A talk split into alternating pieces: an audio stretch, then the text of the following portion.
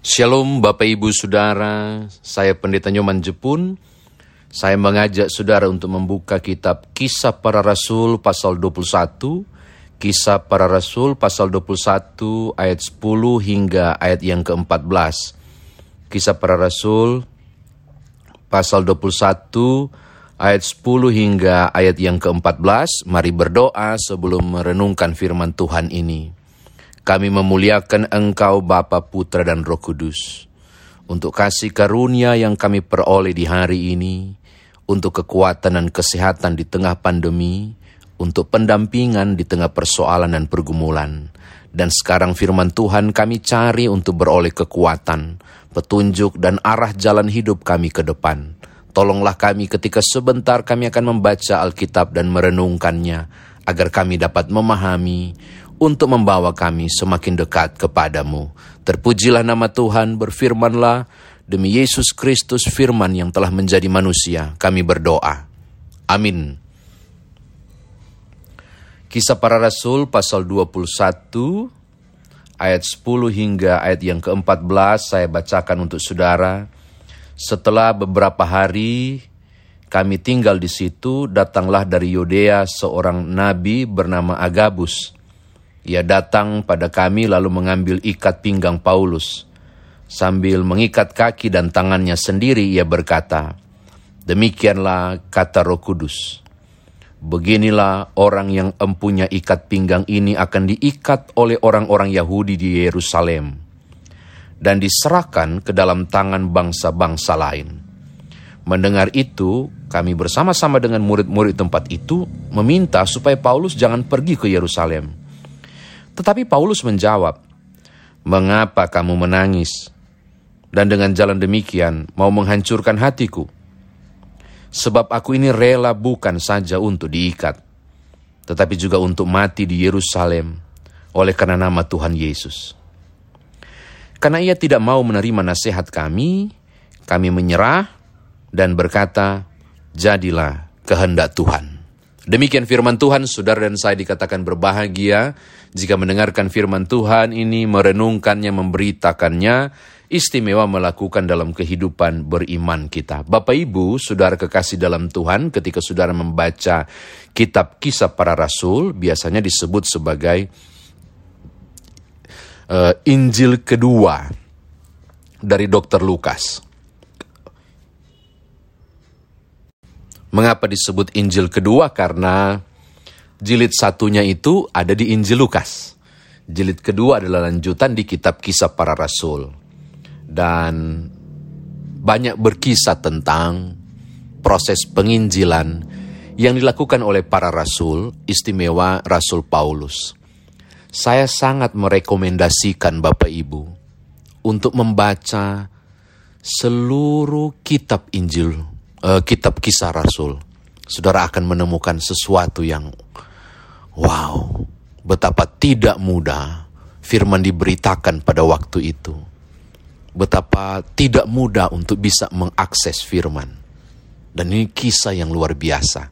Nah hari ini kita membaca kisah Rasul pasal 21 Bapak Ibu. Waktu itu mereka ada di Tirus. Ini proses perjalanan pekabaran Injil Paulus dan kawan-kawannya juga ikut di dalamnya Lukas yang menjadi saksi dan menulis Injil ya, kisah para rasul ini.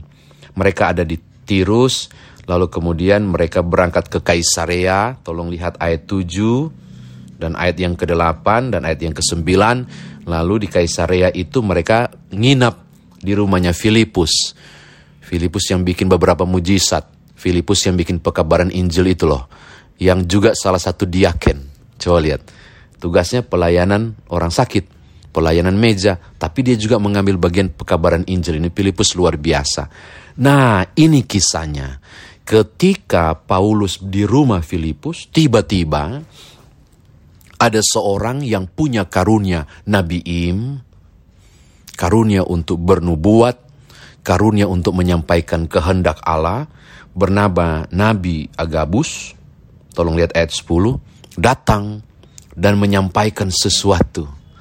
Sesuatu yang sangat mengerikan. Dia ambil ikat pinggang Paulus, lalu ikat pinggang itu dia ikatkan ke dirinya sendiri di tangan, Dan dia bilang begini, beginilah nasib, beginilah nasib. Orang yang empunya ikat pinggang ini, dia akan diikat oleh bangsanya sendiri dan dibawa dan diserahkan kepada bangsa-bangsa lain. Maksudnya mau bicara soal penganiayaan Paulus. Nubuatan mau bicara tentang sesuatu yang akan terjadi di Yerusalem. Dia akan mengalami penganiayaan yang luar biasa. Nah, mengapa kisah ini menjadi menarik Bapak Ibu? Terletak pada reaksi Paulus dan rombongan pekabaran Injil yang ikut bersama Paulus. Ada dua kelompok yang bereaksi. Paulus sendiri dan mereka yang mendampingi sebagai tim PI, tim pekabaran Injil Paulus. Apa reaksi mereka? Mari kita lihat. Lihat ayat yang ke-12. Kelompok pendamping ini di dalamnya juga ada Lukas bilang begini, kalau bisa kau jangan ke Yerusalem sekarang. Kalau bisa kau putar baliklah, hindarilah. Kira-kira ayat 12 mau bilang begini, mereka menafsir nubuatan itu tentang akan diikat dan seterusnya, barangkali mereka bilang begini, tuh kan Agabus sudah dikirim, Agabus menyampaikan Tuhan punya firman, menyampaikan apa yang akan terjadi padamu. Bahwa di Yerusalem kau akan dianiaya. Mumpung sudah terbuka seperti ini rahasianya, menghindarlah. Carilah selamat. Eh, Bapak Ibu ini menarik. Ini dia mena mereka mencoba menerima pesan itu dari sisi ini. Mumpung Tuhan suka saya buka rahasia, Kalau bisa cari selamat lah. Kasihan, jangan kau mau mati, stop lah. Tidak usah kau pekabaran Injil Yerusalem. Tidak usah kau balik. Tidak usah kau balik. Bapak Ibu, ini hal pertama dari reaksi pertama. Yaitu dari kelompok pendamping pekabaran Injil. Sekarang, mari kita lihat reaksi Paulus sendiri. Toko yang dinubuatkan akan dianiaya di Yerusalem. Tolong lihat ayat 13. Mengapa kamu menangis, kata Paulus ya dan dengan dan dengan jalan demikian mau menghancurkan hatiku. Sebab iku, aku ini rela bukan saja untuk diikat, tetapi juga untuk mati di Yerusalem oleh karena nama Tuhan Yesus. Wow. Uh, gimana ya? Saya baca ini berapa kali menemukan teks ini dan membaca-membaca berulang-ulang lalu merenungkan, wow. Sebegitu luar biasa dedikasi, integritas, pengabdian, dan kekokohan imannya. Seorang rasul yang bernama Paulus. Totalitas dia Bapak Ibu, totalitas. Menyerahkan nyawaku sekalipun. Kalau terpaksa aku harus mati di Yerusalem untuk Yesus Kristus, Juru Selamat junjunganku, aku akan melakukannya. Bapak Ibu, saya mau bilang perspektif kedua. Perspektif pertama tadi dari rombongan yang mendampingi pekabaran Injil. Perspektif kedua ini dari tokoh utama yang sudah dapat nubuatan akan dianiaya. Saya harus berangkat ke Yerusalem. Apa pun yang terjadi. Walaupun harus mati. Saya punya kepentingan di Yerusalem. Kenapa Bapak Ibu dia harus ke Yerusalem? Saudara harus baca pasal 21 ayat 15 dan seterusnya. Bapak Ibu akan menemukan bahwa di pasal-pasal sebelumnya Paulus diutus untuk berangkat dan diberi wewenang untuk berangkat melakukan pekabaran Injil di luar wilayah Israel, di luar keturunan Yahudi juga. Maka dia perlu pulang ke Yerusalem, berjumpa dengan sinode kalau mau bicara sekarang, yaitu para rasul di sana, pusat kekristenan di sana, untuk lapor. Ini loh hasilnya. Karena kalau saudara baca ayat 15 dan seterusnya itu Paulus melaporkan diri. Ini loh ternyata ada banyak bangsa-bangsa lain loh yang bukan Yahudi yang terima Yesus bahkan mereka langsung bereaksi, "Wah, haleluya, puji Tuhan." Paulus punya tujuan karena dia diberi tugas dia harus lapor balik dan mempertanggungjawabkan penugasan pekabaran Injil yang harus dilakukan. Dan dia pergi balik. Dan tahukah Bapak Ibu, kalau saudara baca mulai pasal 22 Awalnya sih di pasal 21 ayat 27. Nah, nubuatan itu langsung terjadi Bapak Ibu. Ditangkap dia. Dia oh ngeri Bapak Ibu. Parah bener. Sayang Bapak Ibu belum belum ada entah, entah ada di antara saudara yang sudah lunas baca kisah Rasul, saudara akan melihat uh, dianiaya, dipenjara, dilempar ke pejabat ini, ada ketemu ke Felix lagi, ke Mahkamah Agama, balik lagi, bahkan dikirim ke Roma, terdampar hampir mati, perahunya karam loh Bapak Ibu. Seterusnya, dan akhirnya jadi tahanan rumah dan nasibnya tidak dikisahkan, dia mati atau tidak. Di pasal terakhir, dia jadi tahanan rumah, pasal terakhir. Jadi saudara baca dan membuka secara khusus kisah Rasul uh, pasal 28 nanti. Itu dia jadi tahanan rumah. Apa yang saya mau katakan dari reaksi Paulus ini? Dia tahu dia tahu, dia tahu nubuatan tuh yang dibuka oleh Agabus ini nabi yang punya karunia ini nggak mungkin salah. Dia tahu. Dan dia tidak pakai aji mumpung, mumpung so tahu. Maka saya kabur dari panggilan ini. Saya enggak lah, udah cukuplah menderita masa harus korban nyawa. Enggak Bapak Ibu. Dia maju terus. Saya mau bilang dia sangat berintegritas. Wow, dia sangat luar biasa. Saya kira demikian firman Tuhan ditafsirkan bagi kita. Nah sekarang bagaimana saudara bawa firman Tuhan ini dalam kehidupan beriman saudara ketika melihat kisah yang menarik ini. Bapak Ibu, adakah di antara saudara pernah membaca buku kesaksian Esther Ankim? Dia seorang Kristen di Korea.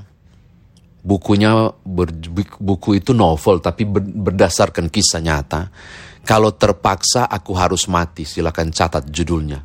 Kalau terpaksa aku harus mati, itu buku lama. Buku lama itu saya masih SMA kalau nggak salah. Kalau terpaksa aku harus mati.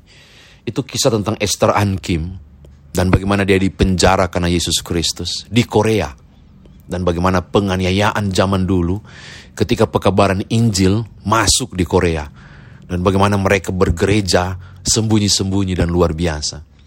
Kenapa saya mau bicara firman Tuhan ini berdasarkan juga dan mengutip dan menunjuk tentang kisah Esther and Kim. Saya kira kurang lebih itulah yang terjadi pada Paulus.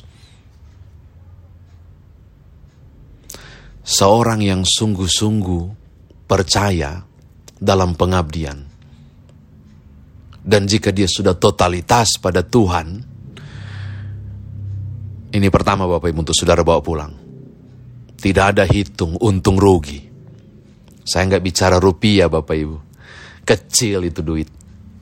Nyawa sekalipun, kata Paulus. Untuk mati di Yerusalem oleh karena nama Tuhan Yesus aku siap. Apa pun dikorbankan untuk kemuliaan Allah. Apa pun dikorbankan untuk Tuhan dapat ditinggikan dan dimuliakan. Apa pun aku siap korbankan supaya orang lain mendengar tentang Yesus Kristus. Ini Paulus. Ini Paulus. Saya mau katakan hal yang pertama kepada saudara-saudara. Berapakah nilai nilai yang Tuhan beri dan bayar untuk menebus dosa saya dan saudara? Tahukah saudara? Itu gratis loh Bapak Ibu. Harganya lunas dibayar. Itu gratis. Tahukah Bapak Ibu berapa nilainya? Gratis bukan berarti tidak ada nilai. Gratis bukan berarti tidak bernilai. Nilainya adalah harga putra Allah, Yesus Kristus. Berulang kali saya katakan, berulang kali saya katakan, Yesus bukan saja menjadi hina karena menjadi manusia. Saya berani berkata, Yesus bukan hanya menjadi hina karena jadi manusia. Bahkan dia lebih hina, lebih hina dari manusia. Yaitu dia menjadi di bawah manusia. Mengapa Pak saya bilang di bawah manusia? Karena ketika dia disalib, kemanusiaannya totalitas hilang. Dan tidak dianggap. Tak sehelai benang pun yang menutupi Tuhanmu dan Tuhanku ketika disalib. Kalau saya membaca beberapa tradisi penyalipan Romawi, nggak ada satu helai benang pun diperlakukan seperti binatang. Kalau di kalender gambar-gambar itu saudara cuma baca karena penghormatan aja ada helai yang menutup, kain yang menutup. Se -se Sejatinya tidak ada. Apa yang mau saya katakan? Untuk keselamatan saya dan saudara, ketika saya dan saudara berkhianat kepada Allah, Tuhan cari dan bawa pulang saudara. Dan dia harus membayar hutang dosa itu. Karena upah dosa adalah maut saudara dan saya harus mati. Tapi tidak jadi mati karena dia kasihi kita. Tapi dia harus bayar tebusannya. Dan nilainya tak ternilai harganya. Nyawa putra Allah. Maka saya mau bilang begini juga. Saya kira ini alasan kuat. Mengapa Paulus memilih mati daripada menghindar. Karena keselamatan saudara dan saya adalah hadiah dari Tuhan. Maka memberi diri kita untuk Tuhan, memberi diri kita untuk Tuhan, menjaga hidup kita tetap benar untuk Tuhan, adalah cara kita balik memberi hadiah kepada Allah. Alias tanda bersyukur. Bahwa keselamatan saudara adalah hadiah dari Tuhan mengisi kehidupan yang benar adalah cara kita memberi hadiah balik kepada Tuhan, bentuk ucapan syukur, menjaga hidup saudara. Bagi Paulus, dia sangat luar biasa. Karena Yesus sudah membayar nyawanya untuk saya. Saya persembahkan nyawaku juga untuknya. Uh, Bapak Ibu. Tidak mudah Bapak Ibu. Ini luar biasa. Saya mau katakan ini hal yang luar biasa. Ini hal yang pertama ya. Yang kedua, tolong lihat ayat 14. Ya sudah, kami tidak bisa melarang engkau, maka terjadilah sesuai kehendak Tuhan. Saya mau titip pada Bapak Ibu, berapa banyak orang yang terpanggil untuk melayani, berapa banyak orang yang berdiri ko berintegritas untuk memberi diri kepada Allah. Lalu berapa banyak orang-orang terdekat yang memberi support dan dukungan, atau jangan-jangan menyarankan yang berbeda. Sudah Joe, So banyak yang jadi pendeta, sudah Jo, sebanyak yang jadi penato dan diakin kau sudahlah misalnya. Udahlah, pilihlah yang lain, gak usahlah totalitas kepada Allah. Sudah banyak yang bertotalitas kepada Allah. Stop-stoplah jadi PHMJ. Sudah cukup berapa kali kan? Sudahlah, hati-hati Bapak Ibu. Panggilan saudara jangan disunyikan, jangan disenyapkan cuma karena tangisan, keluhan, atau ajakan orang lain untuk berpaling. Kayak Paulus bilang, jangan sampai air mata membuat kerdil hatiku, bahasa yang lain. Jangan sampai air matamu itu membuat hatiku hancur. Saya mau katakan hal yang kedua menutup firman Tuhan ini. Dukunglah penuh orang-orang di sekitar saudara yang memberi diri untuk melakukan pelayanan yang konkret dan nyata.